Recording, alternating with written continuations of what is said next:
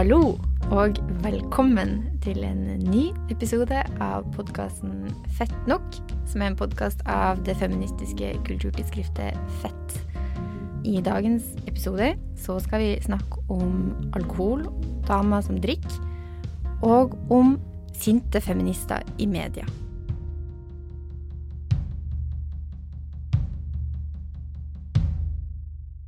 Jeg heter Hanne Linn Skogvang og er ansvarlig redaktør i Fett. Og med meg her i studio i dag så har jeg Eira Ingersdatter. Hei, hei. Og en gjest, Ida Palin Bostadløkken. Hei. Velkommen til dere begge.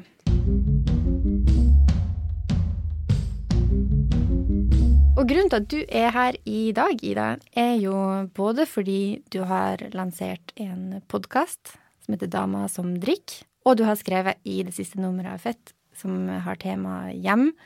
Og der har du også skrevet litt om den tematikken som du utforska i podkasten din.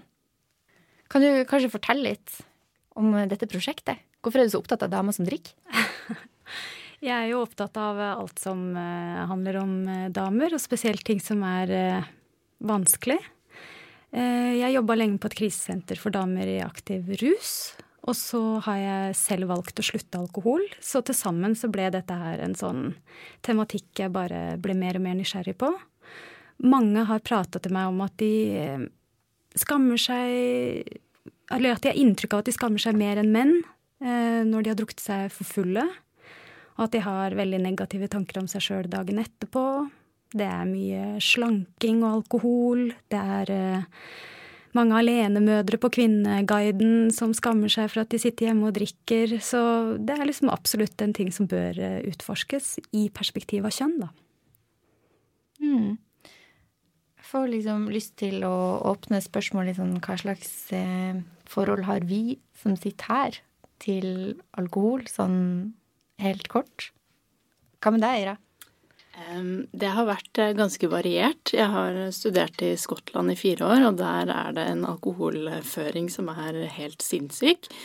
Eh, så det, i studietida var det mye ut og feste og sånn, og det er så billig, og det er ganske farlig. Det koster liksom 50 pence, det er seks kroner liksom for en drink. Eh, men så i de siste par årene så har jeg blitt mer sånn at jeg ikke syns det er noe gøy lenger. Jeg kjenner kjenner meg litt igjen i det som du sa nå nettopp, at liksom Det er ikke nødvendigvis et problem, men det bare er ikke Det føles ikke bra, da. Så jeg har også det siste året liksom drukket mindre og mindre og mindre, da. Det er noe kanskje litt lignende som det du sier, Eira. Jeg vil si at eh, jeg har vært aktiv på Studentersamfunnet i Oslo. Så der har jeg vært involvert i shottekonkurranser med folk som er en halv meter høyere enn meg, omtrent. Og det er blitt båret hjem, så å si. Men, eh, men, det er også veldig lenge siden, føles det som nå. Så jeg vil si at det er blitt ganske mye roligere det siste året. Og så er jeg, jeg er veldig sånn sosial på når det kommer til sånn rusmiddelkonsum, så jeg tror ikke jeg har noen tilbøyelighet til å bli alkoholiker i det hele tatt, fordi det faller meg aldri inn å ta en øl i eget selskap.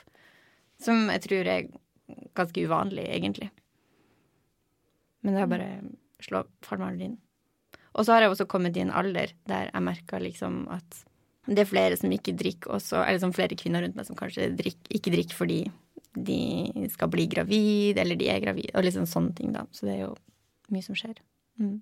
Men du har jo eh, snakka med masse kvinner som har litt problemer med, med alkoholforbruket sitt mm. i podkasten din. Det er eh, mange av de damene jeg intervjua som allikevel går inn under det man ser på som eh, normalt drikkemønster, men som allikevel har skapt liksom store problemer for dem, da.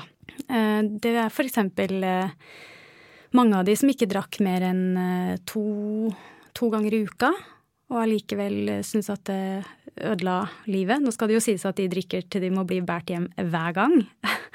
og så er det ei annen enn Ingrid, den første episoden. Hun drikker enda sjeldnere enn det, men hun blacker også ut. Og blir liksom skremt, kjenner seg ikke sjøl igjen. Eh, må liksom leve med ganske mange dager usikkerhet i måneden om hva hun har gjort, hva hun har sagt.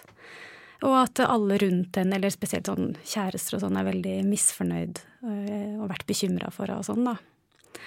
Og så er det akkurat som det du sa, det der med å ikke drikke aleine, ikke reparere. Vi har en del sånne ideer om hva, som, hva alkoholikere gjør og ikke gjør.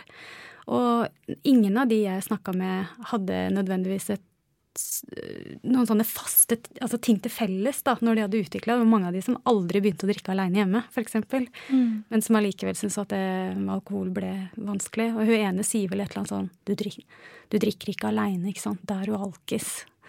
Uh, så, men hun har jo vært enslig hele livet, så sånn i mengde så kan det hende at hun ikke drakk noe mer enn folk som er har kjæreste. Ja. Så det er liksom mengde og hyppighet, og ikke minst hvordan man har det med det, som bør mm. være spørsmålet. Hvordan har jeg det med alkohol? Ja, selvfølgelig. Mm. Eh, jeg har lyst til å gå litt til den teksten som du har skrevet i det siste nummeret, for der drøfta du jo dette med alkohol i, opp mot feminisme. Og du er inne på to begreper som jeg gjerne vil at vi skal snakke om. Og det ene er tørr feminisme, og det andre er våt feminisme. Jeg tror du må forklare hva, hva, dette er for noe. Ja, det er eh, to uh, samfunnsvitere, helse, helse, altså sosialmedisinere, ja, forskere som heter Laura Smith og Constanze Weisner, som lanserte disse to begrepene. Og uh, tørr feminisme handler egentlig mye om den tidlige kvinnesaksbevegelsen og den at de teama opp med avholdsbevegelsen på slutten av 1800-tallet i USA og i Norge, og mange andre steder sikkert at eh, de, eh, altså deler av arbeiderbevegelsen, kristenfolket og kvinnesaksdamene eh, var alle enige om at alkohol, det havarerer samfunnet. Og det er jo ganske naturlig, fordi at de, de, den alkoholen gikk hardest utover, var jo kvinner og barn. Det ble mer vold, og det ble mindre mat på bordet, og det ble bare elendighet alt sammen. Så der var det det er jo ikke feminister sånn som man tenker på det i dag, for dette kunne jo være sånn kristenfundamentalistiske, gærne damer som Det var en i sånn avholdsbevegelsen, ei dame i sørstaten i USA som liksom gikk inn på barer og knuste glass og gikk til angrep på folk. Og hun var liksom imot sprit og korsetten, men ellers så tror jeg hun mente at man skulle leve et veldig sånn dydig kristent liv. Så er det de våte feministene. De kom seinere, 1920-30-tallet. Eh, og de krevde da sin eh, plass rundt eh, bordet, sammen med mennene, ved å drikke og røyke og feste og snakke om Altså finne liksom inn til salongen, da. Ha en plass der inne. Og de protesterte mot dette her liksom omsorgsfulle rådet om at alkohol er skadelig for kvinner, da. Ikke sant? At det, det er noe veldig undertrykkende i den herre at man ikke skal drikke når man er gravid, og kvinnekroppen og kvinnehjernen skal ikke ha det, og sånn og sånn. ikke sant? At eh, det, de ville kjempa for sin rett til å drikke på lik linje med menn. Hmm. Mm.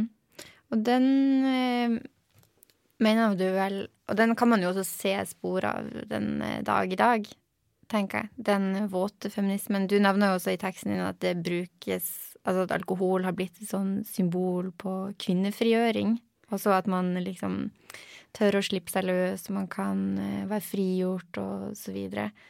Og uh, det syns jeg også er litt sånn interessant, fordi alkohol er så sykt mainstream at det Jeg ble litt sånn overraska når jeg leste den argumentasjonen også, for jeg tenkte det er ikke noe edgy, på en måte, ved, ved alkohol. Men uh, det er det jo selvfølgelig. Eller sånn hvis du tenker på sånne store serier som Sex, Sex and the City og sånn, så er jo liksom det med Cosmopolitans har jo på en måte blitt sånn symbol på en viss type kvinnelivsstil og så videre. Ja, og så er det vel sikkert litt eh, de der eh, stereotypene som henger igjen, som man kanskje gjør litt opprør mot. Da. At det er jo fortsatt litt ideal at moren skal være hjemme og passe på barna være ansvarlig og sånn, som man kanskje gjør faktisk litt opprør mot ved å drikke og være ute med venninnene sine, selv om det er 2020 og ikke 1920. Mm.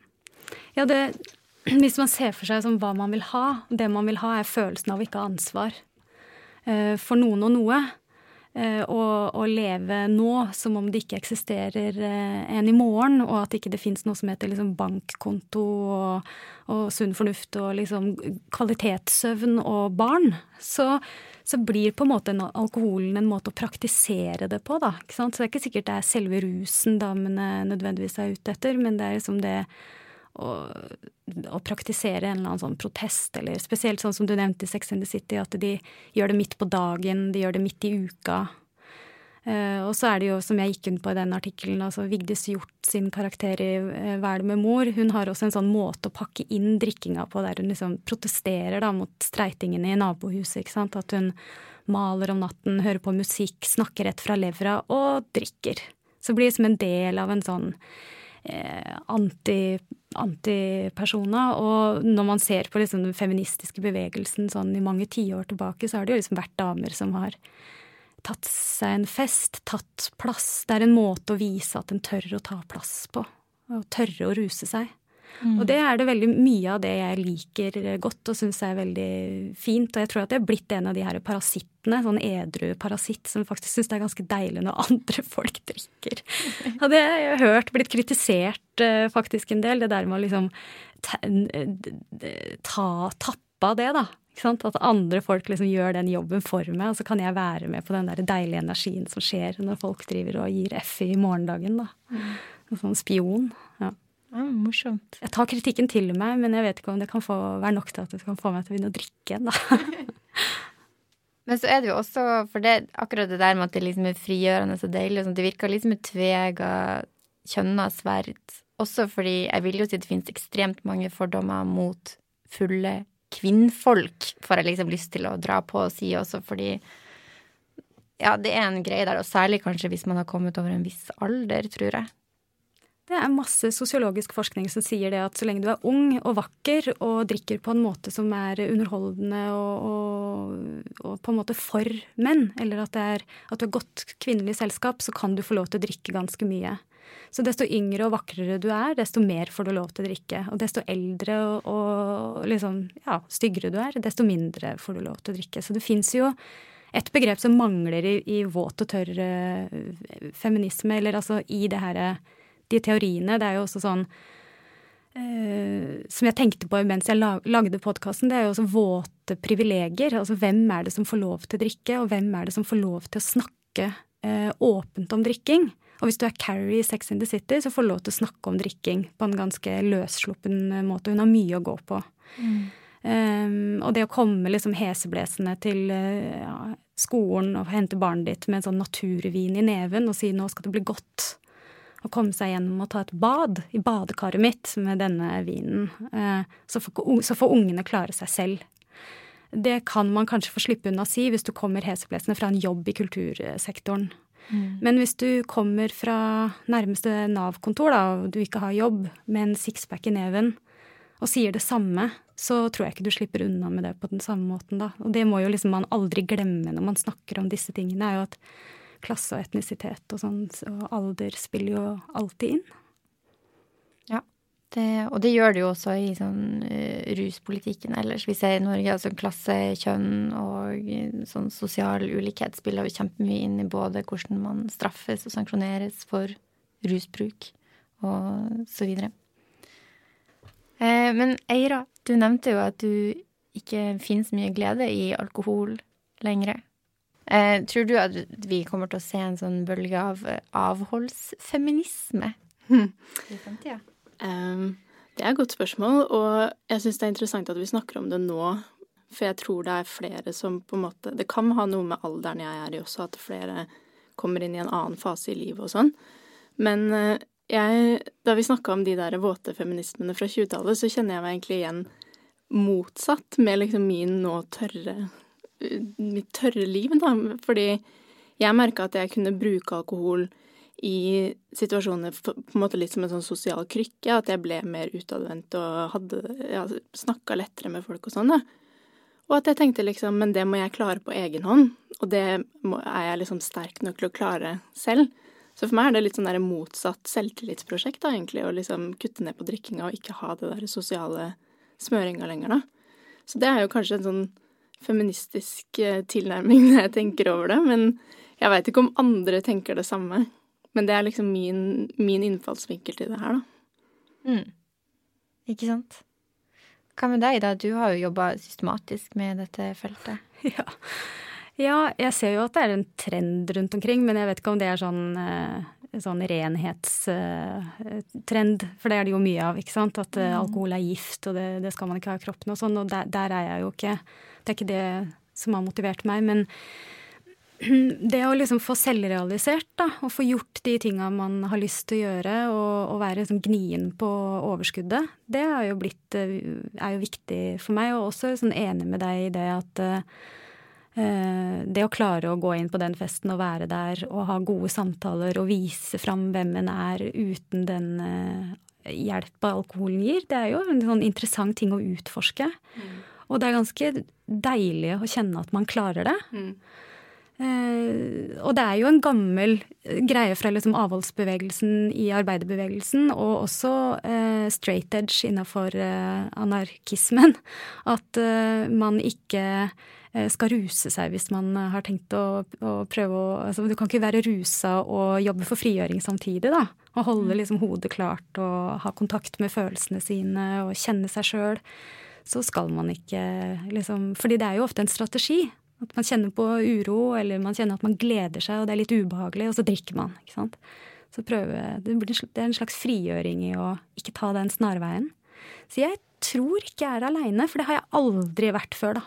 Alle gangene jeg driver og tror at jeg er unik i et eller annet livsstilsvalg, så viser det seg at jeg er en av veldig, veldig mange. Så det er jeg sikkert denne gangen også. Ja, ikke sant. Det får meg også til å tenke litt sånn, og apropos våte privilegier, så hvis jeg skulle sagt det, kommet med en spådom om, om det, så tror jeg kanskje ikke at avholdsfeminisme eller sånn avholdsbevegelse nødvendigvis er det vi kommer til å se framover. Men jeg tror kanskje at mange kommer til å være mer kritisk til alkoholbruk, men kanskje mer positiv til andre rusmidler som kanskje ikke har de samme bivirkningene. Og, der, og apropos klasse, så er det jo også sånn veldig sånn hierarki på hva slags rusmidler som blir sett på som innafor og utafor. Um, der òg, tenker jeg, da. Så det kan jo hende at uh, man kommer til å se mange folk som sier nei til alkohol, men ja til MDMA.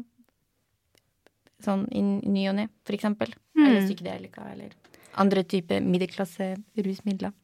Ja, det kan jo hende at vi er litt der at, at vi hvis man skal se på det sånn feministisk, det å ta hensyn til andre og gjøre det andre forventer av en, og liksom være veldig tilpasningsdyktig, så kanskje man er på vei dit at man er sånn Hva slags rusmiddel er det jeg vil ha? Hvorfor vil jeg Hvorfor vil jeg drikke? For hvem vil jeg drikke?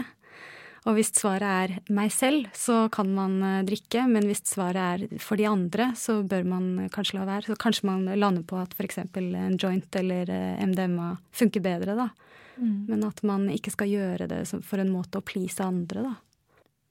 Mm. Skål for det. Skål for det. Eh, dette er jo også en tematikk som vi fett akter å utforske videre, for vi har nettopp bestemt at marsnummeret som kommer ut rundt 8. mars, skal ha tema rus. Så dette kan også anses som en oppfordring til lyttere om å komme med tips og utkast og skisser til, til oss i Fett, dersom du tenker at dette er tema vi trenger å utforske nærmere.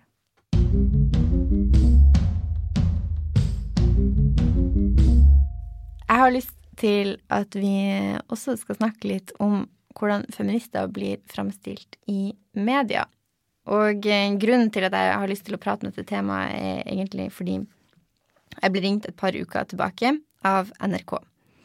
Og det blir jeg jo noen ganger som fettredaktør. Ikke så ofte, skal jeg si, men iblant så skjer det. Og da vil jeg gjerne ha en kommentar fra et feministisk perspektiv på et eller annet som noen har gjort. Veldig ofte hvis jeg blir ringt, så er det sånn type Denne feministen har kledd av seg på Instagram. Er det feministisk?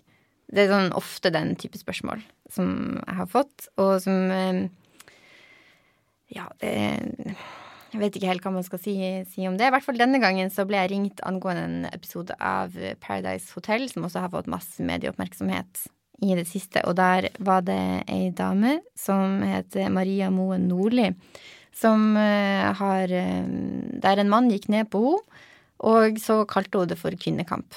Og da ble det medieoppslag. Eh, og NRK vil gjerne ha en kritisk kommentar til dette. De spurte sånn er det virkelig feministisk, er ikke kvinnekamp likelønn, abort. Og så videre? og så diskuterte vi det litt fram og tilbake. Mitt eh, standpunkt kan jeg bare avsløre med en gang. Bare litt sånn, men jeg tenker at jeg absolutt kan si at hun er feministisk, det hun gjør. Og da var det ikke så interessant å ha meg med i det NRK-programmet der det skulle diskuteres, for de ville gjerne ha noen som var kritisk til henne. Og så fikk jeg vite etterpå at eh, det var ikke bare jeg som hadde blitt ringt, det var mange. Mange i kvinnefronten hadde blitt oppringt og spurt, og ingen hadde stilt. Eh, men så ble det, det ble et ukesluttprogram til slutt, og det trenger vi ikke å snakke så mye om. Det som jeg bare syns er litt interessant ved hele denne episoden, er både det at man, eh, man blir ringt, spurt kan du være kritisk til dette. Når man sier nei, så er man ikke interessant lenger. Og så ringer man så mange helt til man finner den feministen som er villig til å Eller som passer liksom inn i den boksen som de gjerne ønsker at, uh, at den sinte feministen skal være. Og da blir jeg litt sånn Jeg syns ofte det er litt sånn irriterende når folk sier det er 2020, kom igjen. Men det er 2020, og man kan jo si at feminismen har hatt et visst gjennomslag i minst seks år. Syns jeg man kan påstå. Man har liksom snakka om den fjerde bølgen i hvert fall siden 2014. Mm. Som, og eh, jeg blir bare litt sånn overraska over denne litt sånn gammeldagse dynamikken når den oppstår, fordi vi vet jo at feminister er så mye og så mangt. Så det som jeg har lyst til å snakke om, eh, her og nå, er liksom både, både dette, det, sånn, den medielogikken i det her, men jeg har òg lyst til å snakke om det er feministisk, og at eh, en kvinne mottar oralsex på TV. Men vi kan ta det første først, og begynne med, med medielogikk, kanskje. Ja, jeg syns jo det er interessant, fordi det slår meg som et veldig sterkt ønske om å konstruere en debatt som kanskje ikke fins. At det henger Altså, debatten henger etter med seks år, da, som du sier. At det det viser seg at de fleste feminister på ringelista til NRK ikke Enten ikke bryr seg eller ikke er enig i at det er feil og sånn. Og da tenker jeg at da er det jo en konstruert problemstilling. Kanskje vi skal snakke om noe annet. Kanskje hun skal få si at det er kvinnekamp, og så er det sånn OK, det kan hun få mene, og så kan vi prate om andre ting, da. At jeg syns det er en rar, et rart sånt instinkt til å liksom ville hause opp noe som kanskje ikke er en sak, da, nå i 2020. Jeg tenker jo også at det er eh, sexistisk å forsøke å få en sånn type debatt på plass, og så arrangere det. For det er jo sånn catfight-skript.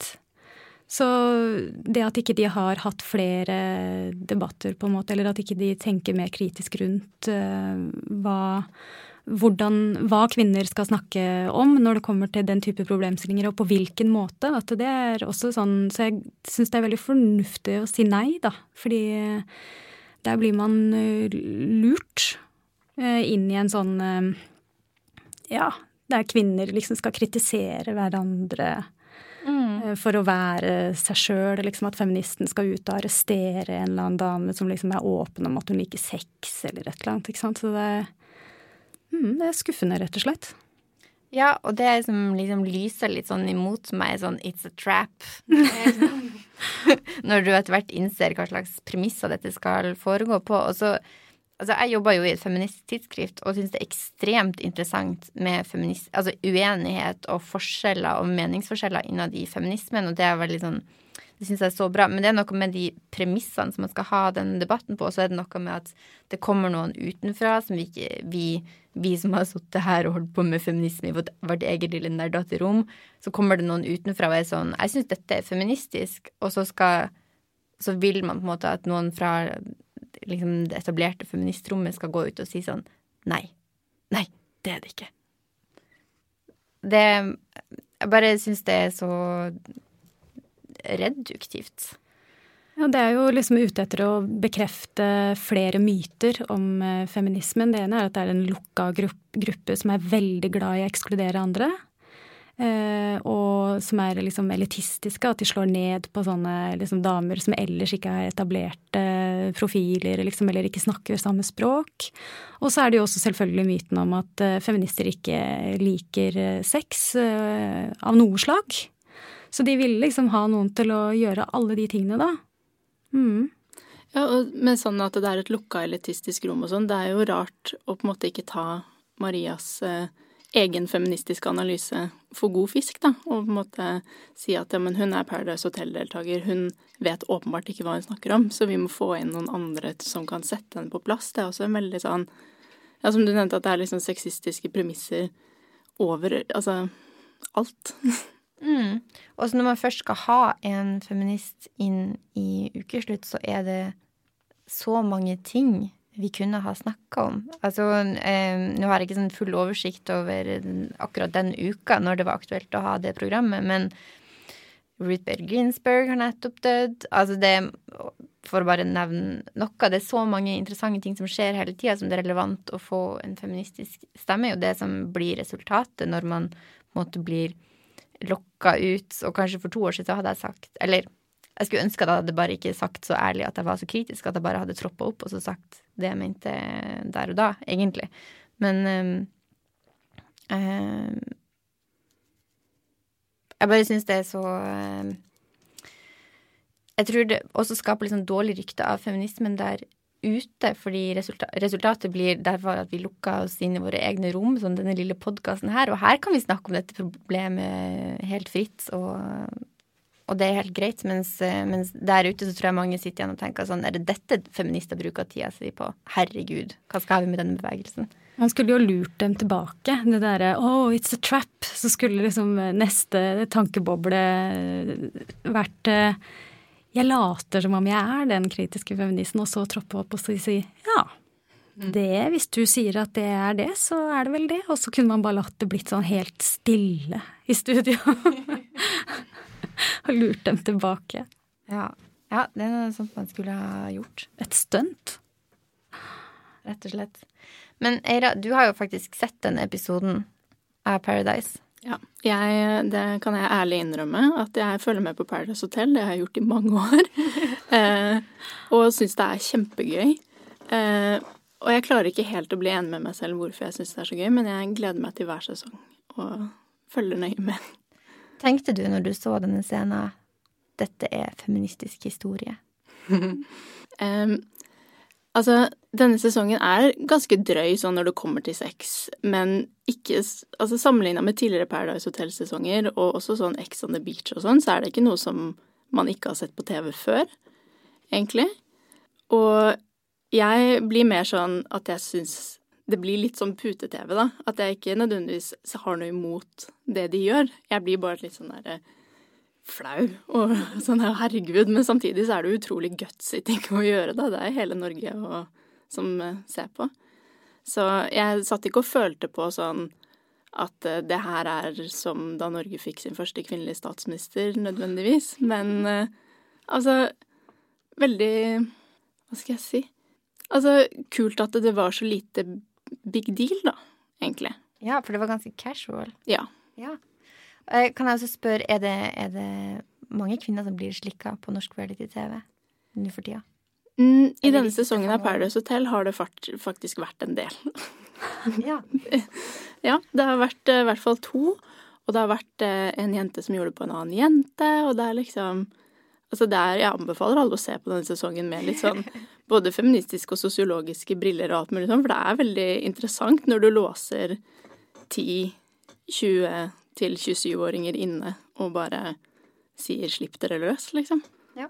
Og jeg vil jo også si at eh, hun har et poeng når hun sier at det ikke skjer for ofte. I hvert fall sånn i norsk film så kan jeg ikke komme på så mange mm. scener mm. eller serier osv.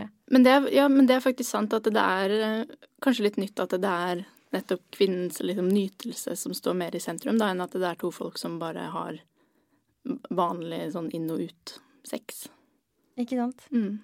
Jeg tenker jo at dette er jo, må jo være et uh, tegn Altså, som jeg sa, så er vi jo godt inne i den fjerde feministiske bølgen, så dette må jo være et tegn på at den har nådd bredt, bredt ut, kanskje. Rett og slett. Mm -hmm. Det lover godt. Ja, men det tror jeg, og i hvert fall nå blir jeg sånn Paradise Hotel-ekspert, liksom, men hvis man har liksom fulgt med på de greiene der, da, så er det, eh, syns jeg, ganske forskjell i reaksjonene på når noe sånt skjer nå, som da det skjedde de første type sesongene, da, at da var det mye mer drama og drøyt og sånn, og nå er det liksom sånn Ja, men det er sånn de gjør på Paradise Hotel. At det er blitt mer normalisert, da. Ja. Fantastisk. Bare for å få bekrefta stemninga fra det feministiske panelet i denne settingen, er det, er det kvinnekamp med at en kvinne blir slikka på norsk TV? Um, er det sånn som det pleier å være i andre program, så skal man liksom si enten ja eller nei. Og da må svaret være ja. Men det kommer jo selvfølgelig veldig an på hvor, uh, hvorfor hun gjorde det. ikke sant? Det er jo mye, mange damer som har hatt sex opp igjennom kun for å, for å tekke mannens uh, blikk, ikke sant. Og, så det, det er jo på en måte egentlig bare hun som kan svare på det, da. Men at vi har mer eh, annen type sex enn penetrativ sex, hvor klitoris er i fokus. Det er jo en uh, feministisk kampsak som det ser ut til at uh, slår igjennom, og det er en veldig bra, bra ting. Men uh, det, det, overrasker meg ikke hvis damer også der på en eller annen måte lar seg sleike på en eller annen falske premisser. Der jeg bare nå nettopp leste en bok der liksom hun later som om at han gjør en svært god jobb, liksom. Og da har man ikke kommet spesielt langt. Sånn at ikke noe at jeg veit noe om henne, og nå sier hun jo det. Så da, da, da, vil jeg jo selvfølgelig ta henne på det. At for henne Hun mener det. Mm.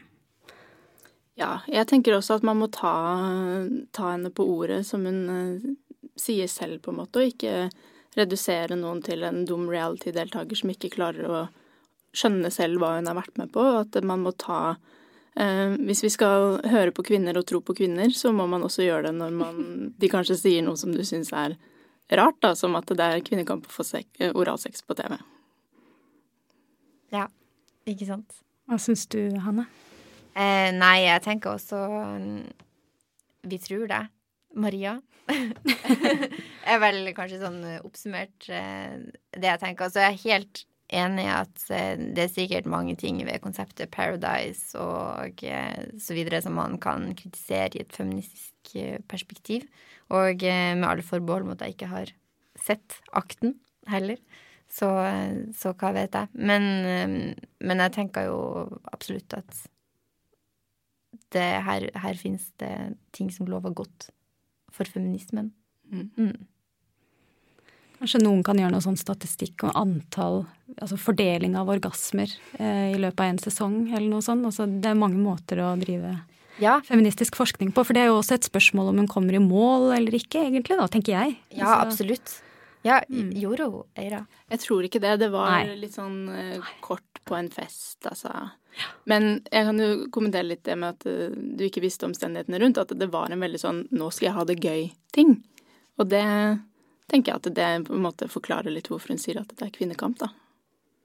At det var på No shame, liksom. Mm. Mm. mm. Og, eh, og, med det sagt så skal man jo ikke shame for, for å ikke komme heller. Nei. Men vrøm for god innsats. Sant. Så lenge det er faktisk god innsats. Ja. Eh, jeg tror vi avslutta der.